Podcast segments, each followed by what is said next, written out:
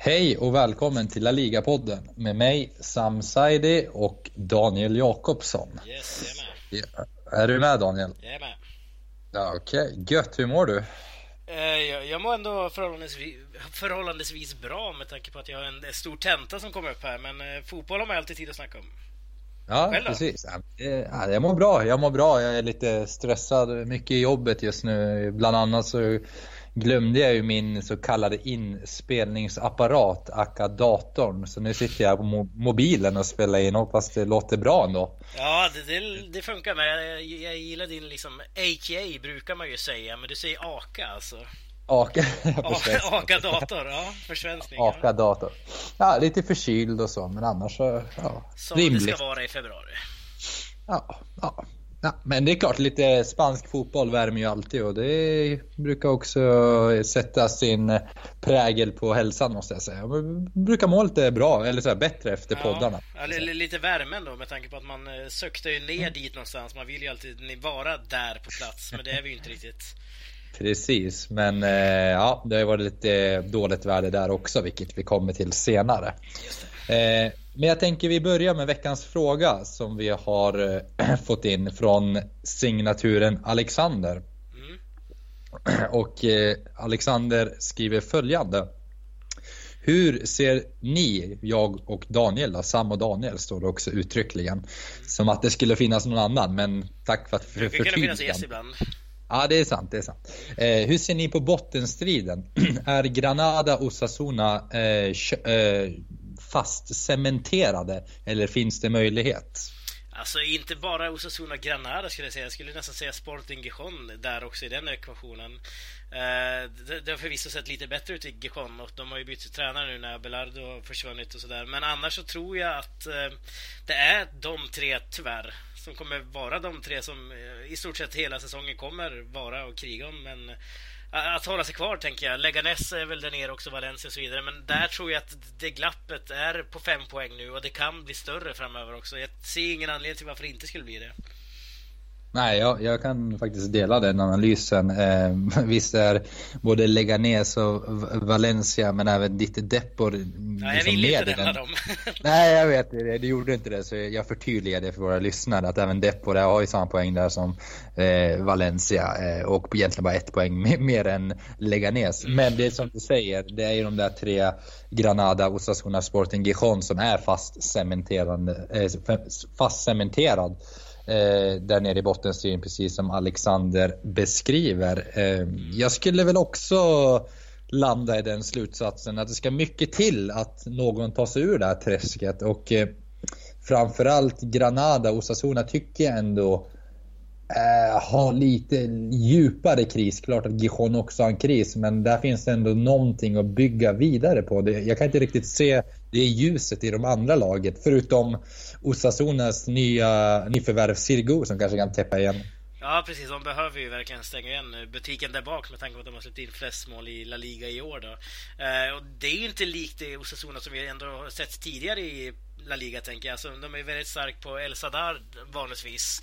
Eh, men det, har de inte varit i år. De har inte vunnit en enda match på hemmaplan eh, uppe i liksom, eh, Pamplona. Så att eh, jag ser Osasuna som det, det, svagaste laget i ligan, även om de inte ligger sist utan Granada ligger sist. Men Granada har ju också enorma problem, framförallt med målskyttet.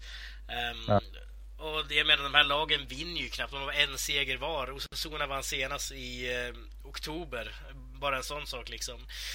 Um, så att de två kommer framförallt ha det svårt. Om Sporting får en, liksom en nytändning under Ruby, det vet vi ju inte riktigt än. Det är för tidigt att säga. Uh, men det, det, skulle väl vara de då möjligtvis som kanske kommer försöka kriga lite mer för sin, eh, uh, sitt, sitt, nya, sitt, sitt kontrakt i La Liga.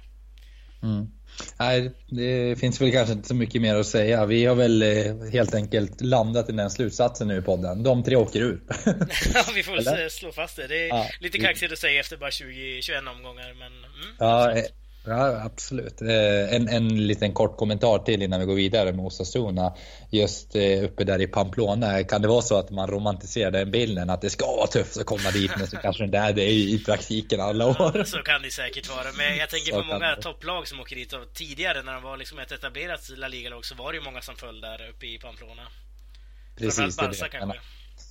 Ja, nej, det var tuffa matcher. Det är inte allt för många år sedan det var liksom jobbigt att åka upp dit och det, man fick verkligen slita för poängen. Men nog om det, nog om det. Eh, jag sitter och funderar på ett annat lag som Eh, man romantiserade framförallt under Paco Gemes. Eh, och vi har ju alltid haft ett litet, vad ska man säga, gott öga för den här klubben. Kanske inte bara på grund av den här possession-fotbollen man blev kända för eh, tillsammans med Paco Gemes då, Rayo Vallecano, utan även det som händer lite utanför planen har, brukar de ju få uppmärksamhet för, eller de brukar blickarna brukar riktas dit av politiska anledningar. Det har hänt något nytt på den fronten. Vill du vill du förklara det? Ja, det, det kan jag väl göra. Alltså det, det är så här, man, man, får säga vad man vill om eh, politik och fotboll och så vidare. Men det är ju ändå roligt att det finns ett sånt lag i Spanien som Rayo Vallecano. De spelar ju liksom i Segundan numera, men de är ju fortfarande väldigt politiskt aktiva, de här supportrarna framförallt. Och det speglas ju av i hela klubben egentligen. Um, och nu, nu gjorde man ju liksom klart, man är ett bottenlag i Segundan också ska vi säga. De gjorde alltså klart med en ukrainsk eh, landslagsanfallare Eh, som heter Roman Susulya. Ursäkta mitt uttal här. Eh, men eh, man lånade in honom från Real Betis. Ehm, han blev kvar i klubben, i alltså Rayo, i 15 timmar. Sen så var han tvungen att återvända till Sevilla på grund av sin politiska åsikt. Och då är det så att den här ukrainaren då, Susulya, ehm, hur vi ska uttala det, vi vill se Sosolya tills vidare. Sosolya, det är ja, bra. Sosolya. Ja, eh, han skickades tillbaka på grund av att han eh, har så kallade neonazistiska åsikter. Eh, och det uppskattas ju absolut inte i en sån vänsterklubb som ändå Rayo är. Eh, så det vart 15 timmar i Rayo, skickas tillbaka till Betis. Nu har han ingen klubb att spela för. Därför rent eh, officiellt så är han en Rayo-spelare. Eh, och han får inte spela för Betis för han är registrerad för Rayo. Så det här vart ju en jäkla soppa fram och tillbaka. Ehm, så, så jag, jag, jag, tycker det är intressant om inte annat att man liksom har det här så starka ställningstagandet när det gäller politiken. Och mm. i det här fallet så hade han säkert kunnat hjälpa klubben också, men det spelar ingen roll. Inte för de ja, fansen. Men Nej, precis. Jag blev ju uppmärksammad. Jag kommer ihåg förra året när vi hade den här podden, eller om det var året innan det.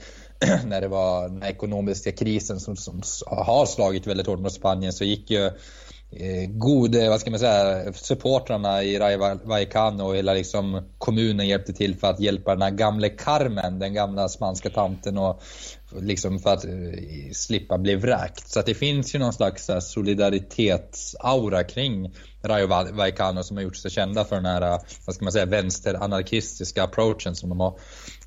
Och det är klart, nu tror jag inte någon klubb egentligen Eh, nu vet jag inte huruvida det var sant att, eh, vad hette han nu, Soci, vad kallar man honom? Ja, Sociolia, huruvida han var nazist eller inte. Men eh, jag tror inte någon klubb skulle vilja haft med en aktiv nazist eller någon med sådana åsikter, även om man ska separera fotboll och politik. Men precis som du säger Daniel, just i Rayo blir det lite extra känsligt.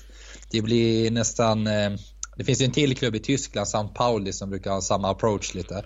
Eh, ja, så att, eh, ja, det, det, är intressant, jag håller med. Men ah, vi ska väl kanske inte fördjupa oss för mycket i det där heller. Men det, det är onekligen en, eh, en intressant och eh, jobbig situation för Sosilya om inte annat. Ja, verkligen. Han tog ju väldigt illa upp också, ska vi tillägga. I och med att han, han, han anser att det här är påhittat av Rayo-fansen. Eh, att han, han har skrivit ett långt brev till fansen innan han kom dit. Därför då, det var redan innan han kom dit så började man protestera mot värvningen. Eh, då skrev han det här brevet och förklarade att han inte alls har de här åsikterna. Um, men, men, det är så här, tydligen så säger Rayo-fansen att de har bildbevis på det här, men det här bildbeviset har inte jag fått tag på ändå. Uh, så, så, så, det kan vara ändå lite farligt kan jag tycka ändå av Rayo att de går så stenhårt på den här vänsterapproachen också, eller vad, vad tycker du? Mm.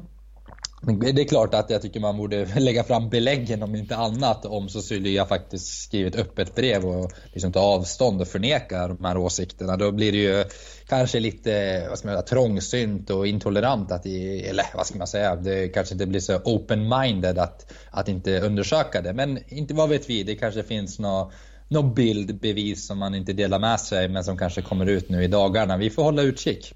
Ja, ja precis. Eh, det, det, är någonting som de har läst bara från tiden han var i Ukraina då, som man menar på att han har eh, stått bakom så här neonazistiska liksom, tåg och så vidare. Så att, eh, men mm. det, det, det, är ju både fint av Rayo-fansen att de står upp för sin klubb och samtidigt kan det bli lite skrämmande ifall det nu visar sig att det inte är så här. Ja, Absolut, absolut. Men eh, annars så tänkte jag på lite positivare grejer är väl att eh, Oriana hittade sitt hem till slut. Ja, där blev det ingen soppa omkring nynazistiska åsikter i alla fall. Nej, nej precis. Nej, inga Pinochet-åsikter där heller från chilenaren.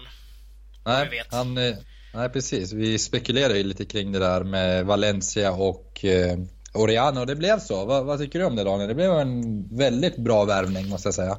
Ja, alltså han själv sa ju, har ju sagt nu när han är klar för Valencia att det var enda klubben han ville till. Eh, det, det, vet vi kanske inte om det är sant eller inte det heller, men det är klart han måste säga det när han väl har nått Valencia, liksom en övergång dit. Och eh, Los Che måste ju ha den här killen. Alltså jag menar, det går fruktansvärt dåligt. Det kommer vi snacka om i nästa del bland annat. Men jag menar, de behöver ju en sån här spelare som kan ta på det här mittfältet. Det, det, vi pratade ju om det förra veckan också.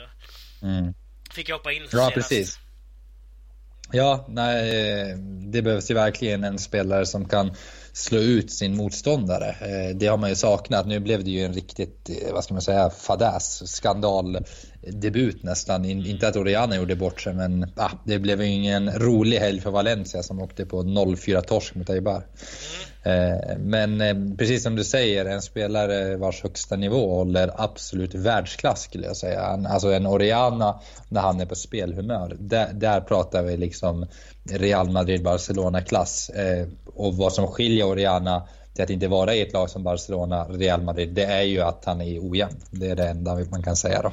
Precis, och han har varit lite skadad och sådär också. Men annars är ja, ju en spelare som, eh, som har en väldigt hög nivå. Um, har ju vunnit liksom Copa America med Chile och um, äh, det, det här kommer bli ett bra tillskott eh, till Valencia kan vi säga i alla fall.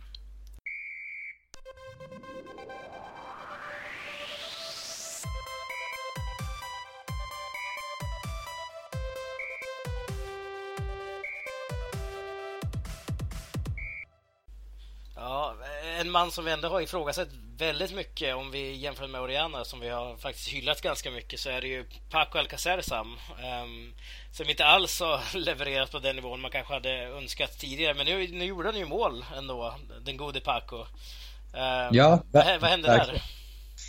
Vad som hände kan man väl kort och gott säga att det var första gången han faktiskt fick ett förtroende att få spela liksom tillsammans med, ja men från start framförallt i La Liga.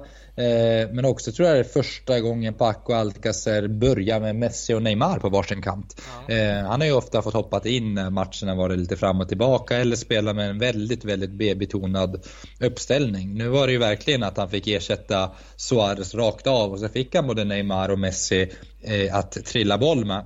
Och det är klart att första målet, det är en typisk anfallsmål och Eh, han sätter dit den och det går verkligen så på första instinkten och bra assist av Neymar för den delen. Men eh, han fick chansen, men det är klart att han har varit iskall. Hans självförtroende är ju på botten och vi började väl på, eller den här poddsäsongen med att ifrågasätta hur han resonerade i den här övergången. Mm. För att det fanns ju egentligen ingenting att hämta i Barcelona när det kom till att snå åt sig en startup, eh, eller startplats. För den var ju redan klar. Ja, alltså just den här övergången i sig var ju väldigt eh, konstig kan vi tycka. Jag minns Jens Kastnert eh, som var med i början av säsongen, han sa ju att det var det sämsta som har hänt ligan ungefär. Eh, det ja. var typ rakt av det han sa och eh, då, då höll vi väl delvis med honom. Du höll väl inte med lika mycket? För vi trodde ju då att han skulle få mer chanser, att han skulle liksom kunna vara en roter, rotationsspelare, men det har han ju inte varit. Mm. Han har ju knappt använts i liksom de här cupmatcherna.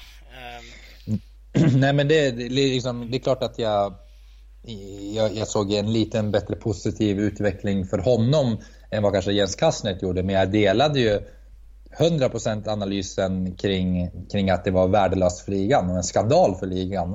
Um, för att det säger ju ändå någonting att Valencia hade ju behövt Paco Alcacer och han hade ju utvecklats mer i Valencia. Han hade fått en helt annan roll.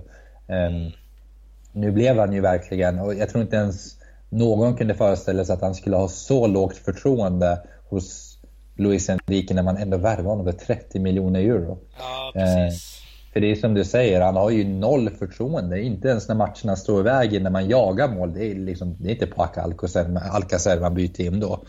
Eh, så jag vet inte riktigt vart hans framtid är. Är det verkligen Barcelona? Vad tror du? Nej, det tror jag väl inte. Alltså, någonstans så är liksom, han är ändå bara 23 år gammal så det är klart att han kan slå, in, slå sig in i det här laget. Uh, men då har du ju Messi framför och du har Suarez. Även om de är lite äldre så har du ändå Neymar där också som inte är så gammal. Uh, och det kommer ju alltid komma fram nya spelare i, i Barcas akademi och så vidare. Sen så värvar de ju ofta ganska många bra spelare också. Uh, men, men däremot kan jag tycka nu med tanke på Neymars ganska usla målformen och bara gjort fem mål på 17 matcher att varför inte rotera lite grann med Neymar där? Ja, jag skulle säga att det har man redan gjort, men inte med Paco Alcacer. Utan Arda Turan har fått lite fler chanser eh, på bekostnad av Neymar. Eh, sedan så, till Neymars försvar, så måste jag ändå säga att han är relativt okej okay i spelet fortfarande. Han skiljer sig inte så, så mycket när det kommer till själva spelet, utan han, han är väldigt kvick fortfarande. Han utmanar sin gubbe. Eh, han missar väldigt mycket vilket förklarar hans usla målform. Men det gjorde han ändå en, en väldigt fin assist till, till Alcacer. Eh, men det är klart att det är oroväckande att Neymars målproduktion har blivit så av, avsevärt mycket sämre den här säsongen och eh, jag, jag tror det nästan har blivit en, tillkommit en mental dimension nu. Att Eh, Eh, för nu missar han ju väldigt solklara lägen och han tänker för mycket i, i den här avslutssituationen. Så det är klart att det är oroväckande och eh, han har fått rotera någorlunda i liksom Neymar mått eller mätt har han fått eh, rotera relativt mycket med Arda Turan. Men klart att han fortfarande, en, en, annan spelare hade aldrig fått så många chanser igen. Nej, precis. Jag menar just Neymar också. Det, det är som du säger, han, han är ju med mycket annat i spelet också. Han ligger på 17 assist eh, den här säsongen, vilket är otroligt högt med tanke på liksom att han ändå är en anfallare som ska göra de här målen.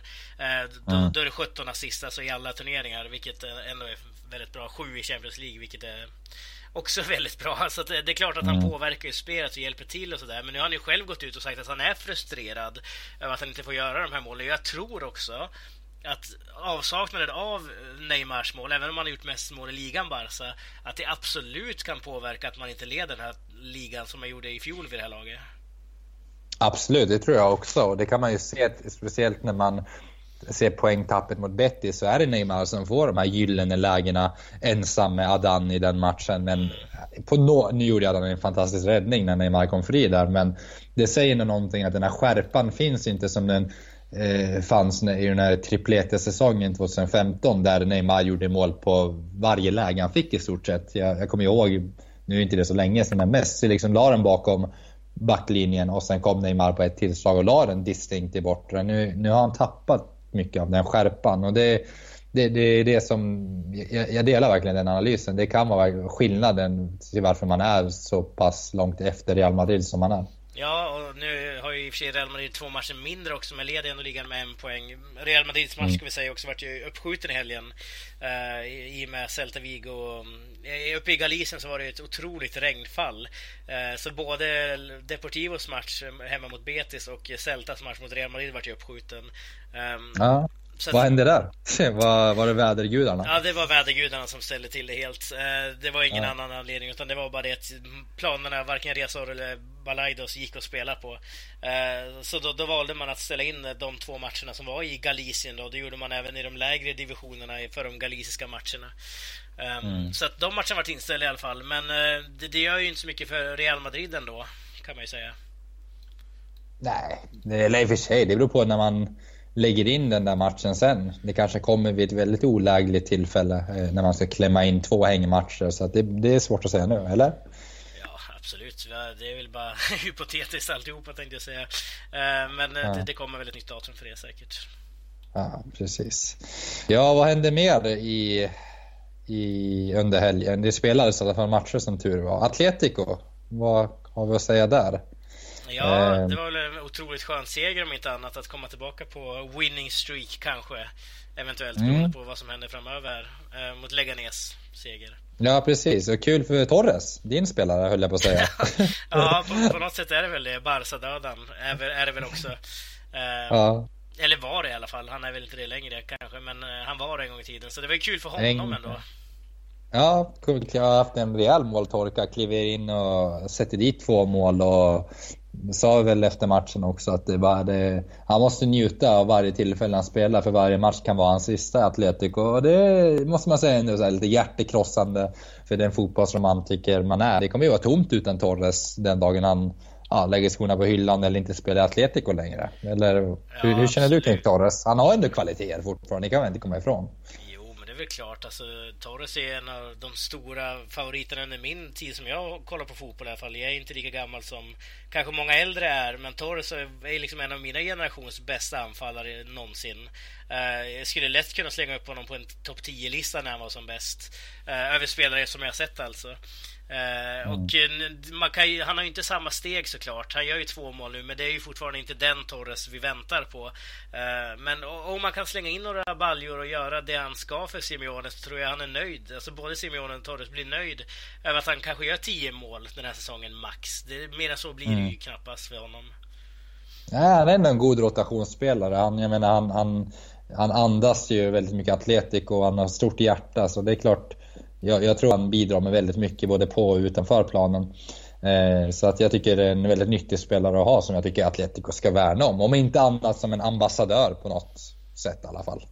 Ja, eh, precis. Eh. Ja, absolut, absolut. Ja. Eh, jag tänkte hoppa, du, du, vi sa ju innan vi körde igång här att du ville snacka lite grann om, om Marcelo. Vad, hade du att lyfta kring honom?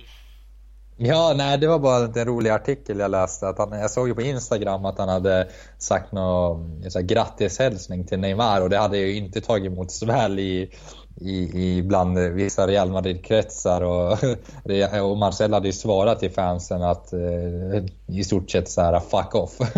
eh, och liksom verkligen reagerat eh, rivaliteten mellan Barcelona och Real Madrid kan inte påverka hans relation med Neymar.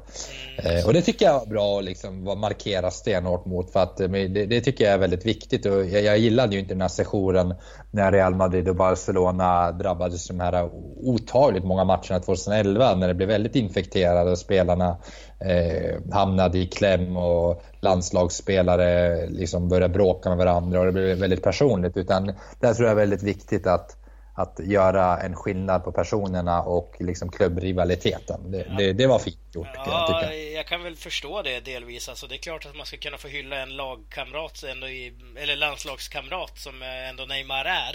Eh, men jag mm. har ju ändå lite svårt för den här offentliga sociala medier-grejen. Eh, som ofta präglar just fotbollsspelare. Alltså det är väl klart att man får gratta, men alltså där sitter ju ändå folk som lever för Real Madrid.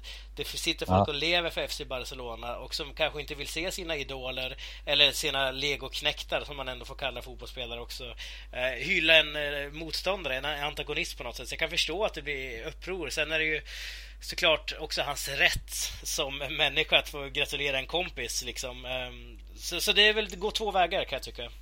Jo, men det kan jag hålla med Men där menar jag mer att man kanske får tänka sig för när man kommer att hylla en spelare för Ja men till exempel att det ja men i debatten mellan Messi och Ronaldo till exempel så det är klart att det är väldigt sällan man hör en Real Madrid-spelare gå ut och säga att Messi är bäst i världen även om de skulle tycka det för det skulle vara väldigt känsligt. Eh, och samma sak tvärtom mot andra hållet. Där tycker jag det kan finnas liksom en, en slags, eh, vad ska man säga, eh, man måste tänka sig för lite. Eh, för att det finns en klubbrivalitet. Men här pratar vi en ganska harmlös grattishälsning. Då tycker jag att det är ganska okej. Okay. absolut, det, det, kan jag hålla med om. Absolut. Men just ja. den här Twitter-grejen tycker jag skapar väldigt mycket problem som är lite onödigt. Piqué har ju varit i blåsväder några gånger också. Liksom. Ja, precis. Kanske inte via Twitter, men det, det, det är ofta där det kan starta. Om vi säger så. Ja, alltid där det startar. men nästan så. Uh. Men jättekort tänkte jag också att vi skulle snacka lite grann om eh, Valencias uh, otroliga debacle. Och vi nämnde lite grann i förra delen. Uh, ja, just det. Vad hände? Ja, jag tänkte just fråga dig vad som hände, därför jag har inget svar på det riktigt. 0-4 hemma mot Eibar. Alltså det är ju ändå Voro som vi någonstans gillar väldigt mycket. Um, som coachar det här Valencia nu, men nu har de ju två raka torsk. Och eh, det är som att så fort han fick ett heltidskontrakt med Valencia, då går det inte. Alltså det, det, kanske var som han sa, det här är min klubb, jag älskar den här klubben, jag kan inte träna den på heltid. Eh, och det är någonstans det som händer just nu också, trots att man hade liksom Sasa från start bland annat i, i sin första match.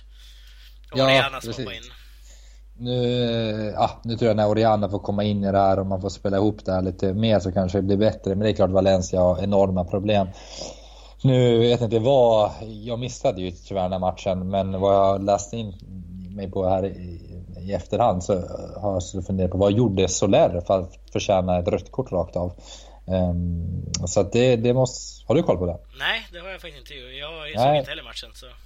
Nej, precis. Eh, där har vi ja, inte gjort vår research helt enkelt när det kommer till Valencia-matchen. Men om man bara kollar på resultatet rakt av så är det ju... Visst, röda kortet kom ju i 45 minuten och då låg man ju redan under med 2-0. Eh, så att det kändes ju kört där efter halvtid. Så att det är klart att 0-4 Visst, det ska inte kunna hända mot Eibar hemma. Men Valencia mår ju inte bra, det kan vi inte komma ifrån. men samtidigt, alltså det kör till halvtid för att man har en man mindre, 2-0, absolut, det kan jag väl köpa någonstans. Eh, men å andra sidan så är det ju hemma på Mestalla, Valencia. Det är ju inte, mm. det är inte Granada som var hemma mot Eibar och har en man mindre. Det är ändå Valencia på Mestalla. Um, en sån här match ska de ju ändå kunna vända. Alltså om de har de lagmoralen, då kan de vända det här. Det har ju inte de nu. Um, så, så, det är klart att det, det är en ond, ond spiral, säger man kanske, uh, som genomsyrar hela klubben just nu. Ja, och speciellt när man kollar eh, på liksom, det material man har så är det ju bra spelare. Så det är, det är verkligen jobbigt att se en sån anrik klubb underprestera så pass mycket som man gör.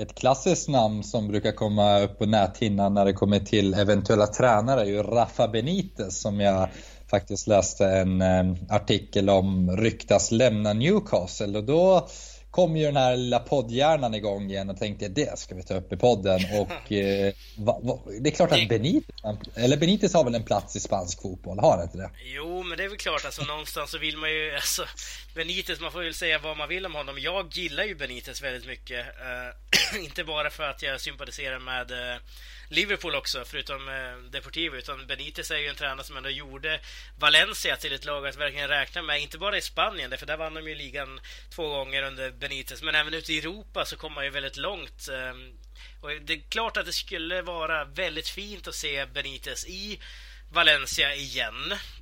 Eh, det tror jag däremot inte kommer hända. Men eh, inte än på ett tag i alla fall.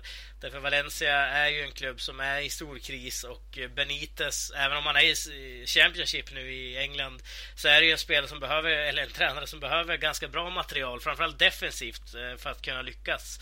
Um, så därför tänkte jag direkt när jag såg det att varför inte i sommar Atletico?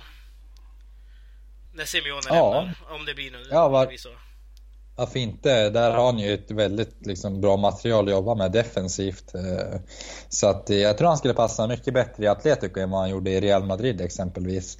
Eh, Atletico passar mer Benites fotbollsfilosofi. Just den här halvdestruktiva fotbollen men ändå väldigt liksom med kvalitet framåt. Det man kan inte, apropå Torres, så var det ändå med Benitez han pikade som mest. Så det kanske blir en ny tändning där också, vem vet? Ja, om Torres är kvar ja, det vill säga. Ja, precis. Men, Men det lär vara om Benitez kommer, han lär väl kräva kvar Torres.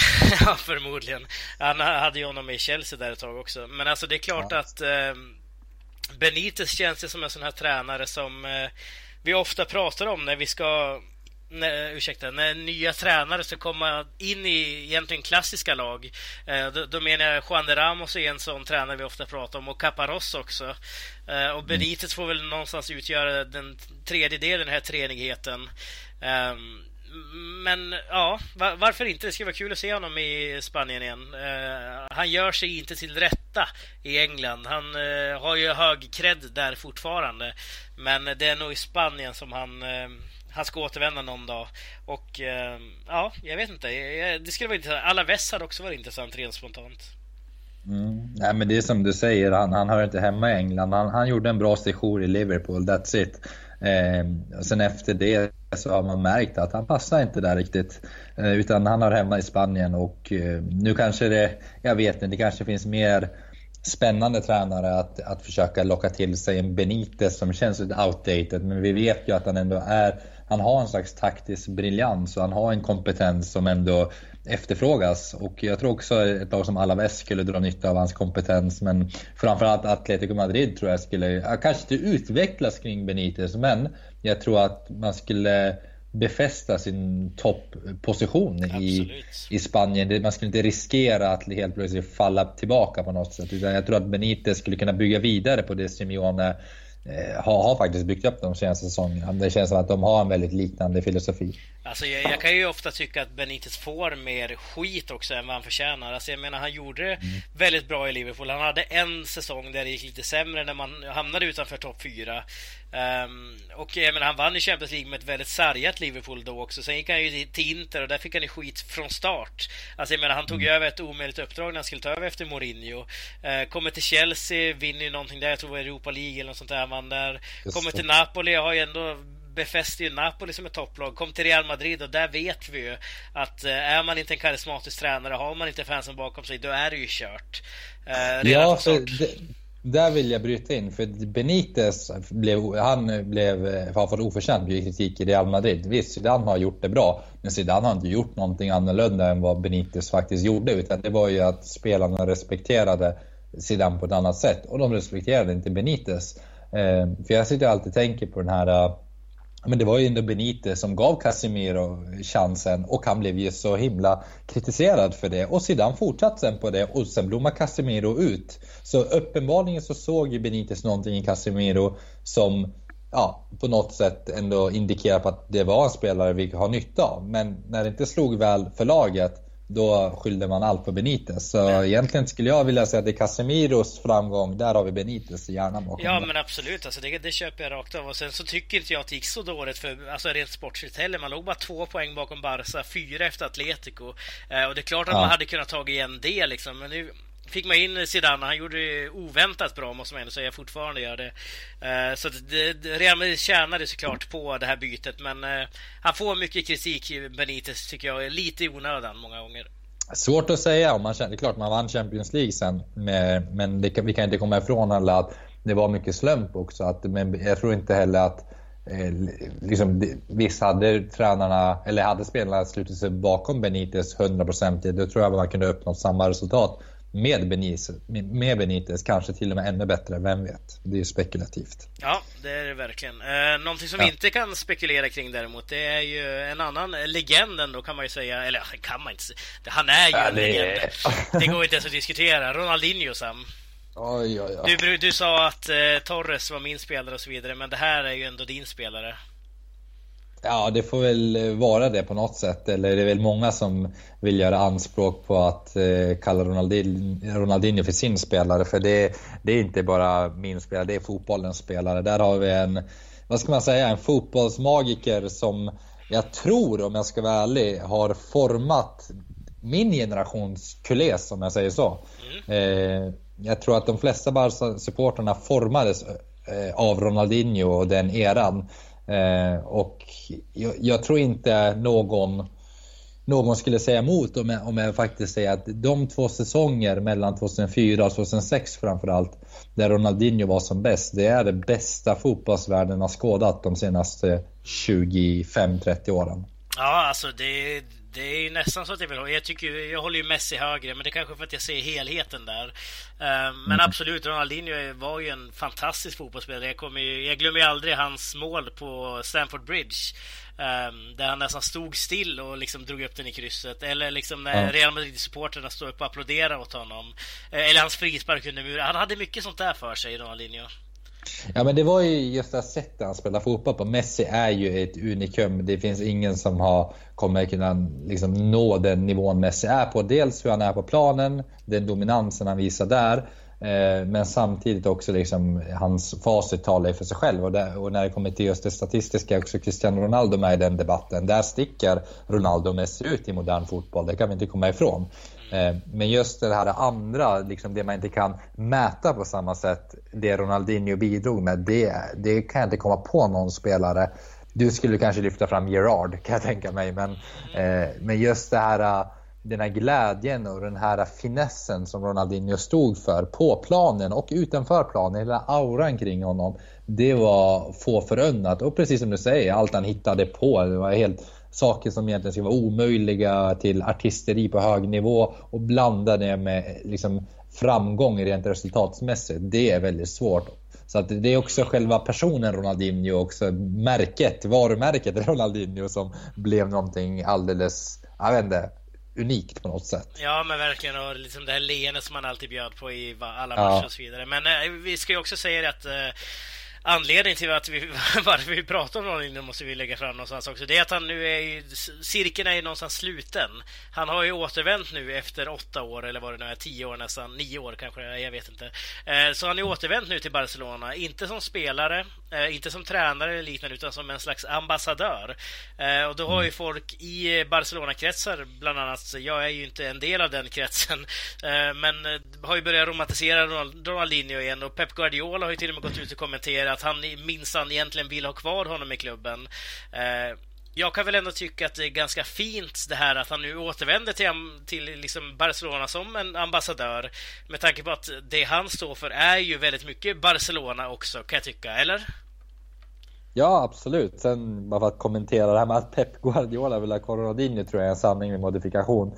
Guardiola var väl känd för att, eller blev känd för att han ville rensa ordentligt när han kom 2008. Bland annat ville han bli av med Samuel Eto'o och det gick ju inte.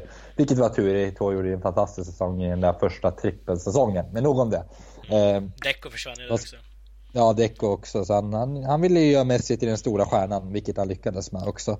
Men eh, apropå Ronaldinho som ambassadör, absolut. Han var, eh, han, han andas Barcelona, barcelonismo och han har, eh, som du säger, han utstrålar någon slags, eh, eh vad ska man säga, tiki-taka, Barcelona, eh, ja, han andas tiki-taka framförallt. Och det kändes som att Barcelona, när den här Cruyff-investeringen början på 90-talet och framåt någonstans, ja men verkligen började ta fart och bära frukt med, med värvningen av Ronaldinho. För man ska komma ihåg att Barcelona kom från några år där man verkligen hade tappat sin, inte identitet, men han hade tappat eh, länken till toppsidan. Och det var liksom bara säsongen innan där Ronaldinho kom, han som faktiskt slutade åtta i ligan. Eh, och inte var alls ett givet toppnamn i det, i det europeiska finrummet. Men med Ronaldinho till klubben så började den här framgångseran skulle jag säga som vi fortfarande bevittnar någonstans. Och den börjar egentligen i modern tid då, eller ja, från 2000 tre skulle jag säga och framåt. Eh, det var några år där det var lite körigt. Ja, absolut. Jag, med Barcelona mätt och mått. Ja, så, så är det verkligen. Man kan ju inte jämföra med någon annan klubb när det gäller det. Men jag tänkte just det här med att spanska klubbar, om man jämför med engelska motsvarigheter. De i England är ju väldigt, väldigt, väldigt nostalgiska av sig många gånger. De är ju väldigt bra att ta till sig av sådana här grejer. Eh, om vi bara tar en sån klubb som Liverpool eller Manchester United och så vidare. De värnar ju om de här gamla spelarna. De har ju alla en roll i sina klubbar. Som Robbie Fowler är ju någon slags eh, ambassadör i eh, Liverpool, Ian Rush, Steven Gerrard är det nu, Kenneth Dalglish. Alltså de här, spel, de här är ju kvar i klubben. Um, så mm. jag hoppas nu att Barcelona och Real Madrid också, de, framförallt Real Madrid kanske som har kanske ännu mer sådana här legendarspelare eh, värnar om de här killarna, för de förtjänar det, tycker jag. Och jag tycker det är snyggt att Barca gör det här med Ronaldinho också. Jag håller med. Jag tror vi kan enas kring det. Ja, härligt. Eh, men då kan vi ja. gå lite mer modernt nu då och titta på veckans match som vi alltid kör. Mm. Och eh, förra veckan så tippade vi ju... Kommer du ihåg vilken match vi tippade då? Han var inne på Atletico va? Ja, Copa del Rey. Ja, Copa del Rey. Atletico ja, Barca. Barcelona, ja. Mm. Vi, vi, vi, tänkte att de skulle få stryka av Barca va? Eh, ja, du tänkte det. Jag tänkte att det skulle bli oavgjort. Um, och Atletico förlorade ju där också med 1-2. Eller Barcelona vann kanske man ska säga i sån, i sån här form. Uh, jag tippade ju 1-1 i den matchen på Vicente Calderon och du tippade ju 0-1 till Barca. Uh, så det fick ju in ett resultat där, måste man ändå säga. Ja, ehm. vad tror du om det då? Tror du det är kört nu? Eller kan de vända där på Camp Nou? Nej, nej. Det är kört. Nej. Det trodde jag redan innan också. Jag tycker att Atletico ser otroligt klena ut i år. Även om de inte ligger så många poäng efter Barca i ligan. Men... Nej, det är kört. Där åker man i Copa del Rey. Det blir final för Barca och Celta, tror jag. Mm, men eh, den här veckan i alla fall, vi ska ju tippa en ny match och det blir ju Las Palmas-Sevilla tänkte jag den här gången. Du Oh, fick ju välja förra veckan. Det stämmer. Mm, vad tror du? Är det jag som börjar tippa då eller? Ja, Ja visst, jag tror att eh, det kommer bli Jag tror Valencia, eller vad säger jag, Sevilla kommer nu tappa lite och ta ännu ett kryss. De kryssar mot Villarreal och det blir 1-1 i Las Palmas. Ja, okej, du tror tre raka matcher i ligan utan seger alltså? Ja, Det är en tyvärr. stor utmaning för San Pauli i så fall om de ska utmana om en titel. Det känns ju Ja. ganska avlägsen å andra sidan med tanke på Real Madrids otroliga form den här säsongen. Eh, Ja. Men vad, vad sa du, 1-1? 1-1 då. 1-1. Ja, jag tror ju också på att Sevilla kommer tappa eh, poäng igen och jag tänker att Las Palmas känns ju väldigt, väldigt intressanta nu för tiden. Eh, med sina nyförvärv med Halilovic bland annat liksom. Och Jesse Rodriguez framförallt. Så, så jag tror att jag tror Las Palmas vinner här med 2-1 faktiskt.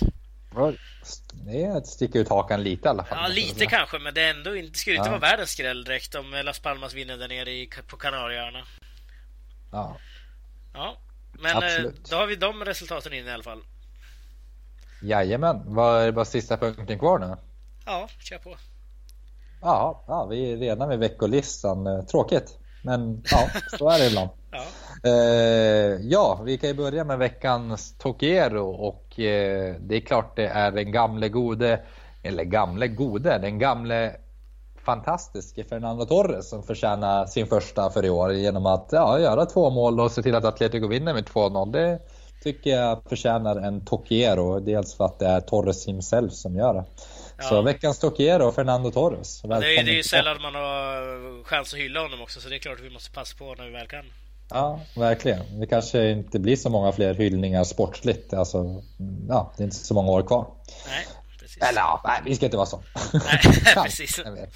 Eh, och veckans Faubert, det är klart man borde ta Valencias plattfall, men jag väljer ändå att säga det galiciska vädret till Daniel. Aj, aj, aj. Ja, jag kan inte ta ansvar för det, men absolut. Ställer in två matcher, det är inte okej. Det går inte att lita på Galicien och det har jag sagt till Daniel många år, men här har vi beviset varför. Ställer in två La Liga-matcher och förstör en söndagkväll för väldigt många personer. Ja, Så att, eh, eller galiciska fre, fredag kväll vädret. också. Vad sa Fred, du? du får inte glömma Depors match, det var ju fredag kväll. ja, det är också för Eh, så att, det är nej, del av nord, helgen. nordvästra Spanien alltså, ostabilt väder helt enkelt. Ja. En nederbörd som vi inte kan eh, räkna med. Nej, och då behövs en Faubert-utmärkelse till det. Ja, men då får vädergudarna en sån då. Eller var det Galicien Ja. som fick den? Jag förstod inte riktigt. Ah, jag vet inte. Jag, det, jag tror jag lämnade öppet för fri tolkning och sen lämnade diffus som Ja. en slags känga mot Galicien överlag. Jaha, ja, ja, okej. Hela, hela den autonoma regionen får sig en känga. Exakt, ja. Ja, Precis. ja, just det. Nej, men du, vi, vi rundar väl av här nu. Ehm, och som sagt, vill ni hjälpa oss tänkte jag säga, men vill, vill ni vara med och påverka podden så skicka ett mejl till oss på laligapodden gmail.com eller vadå Sam?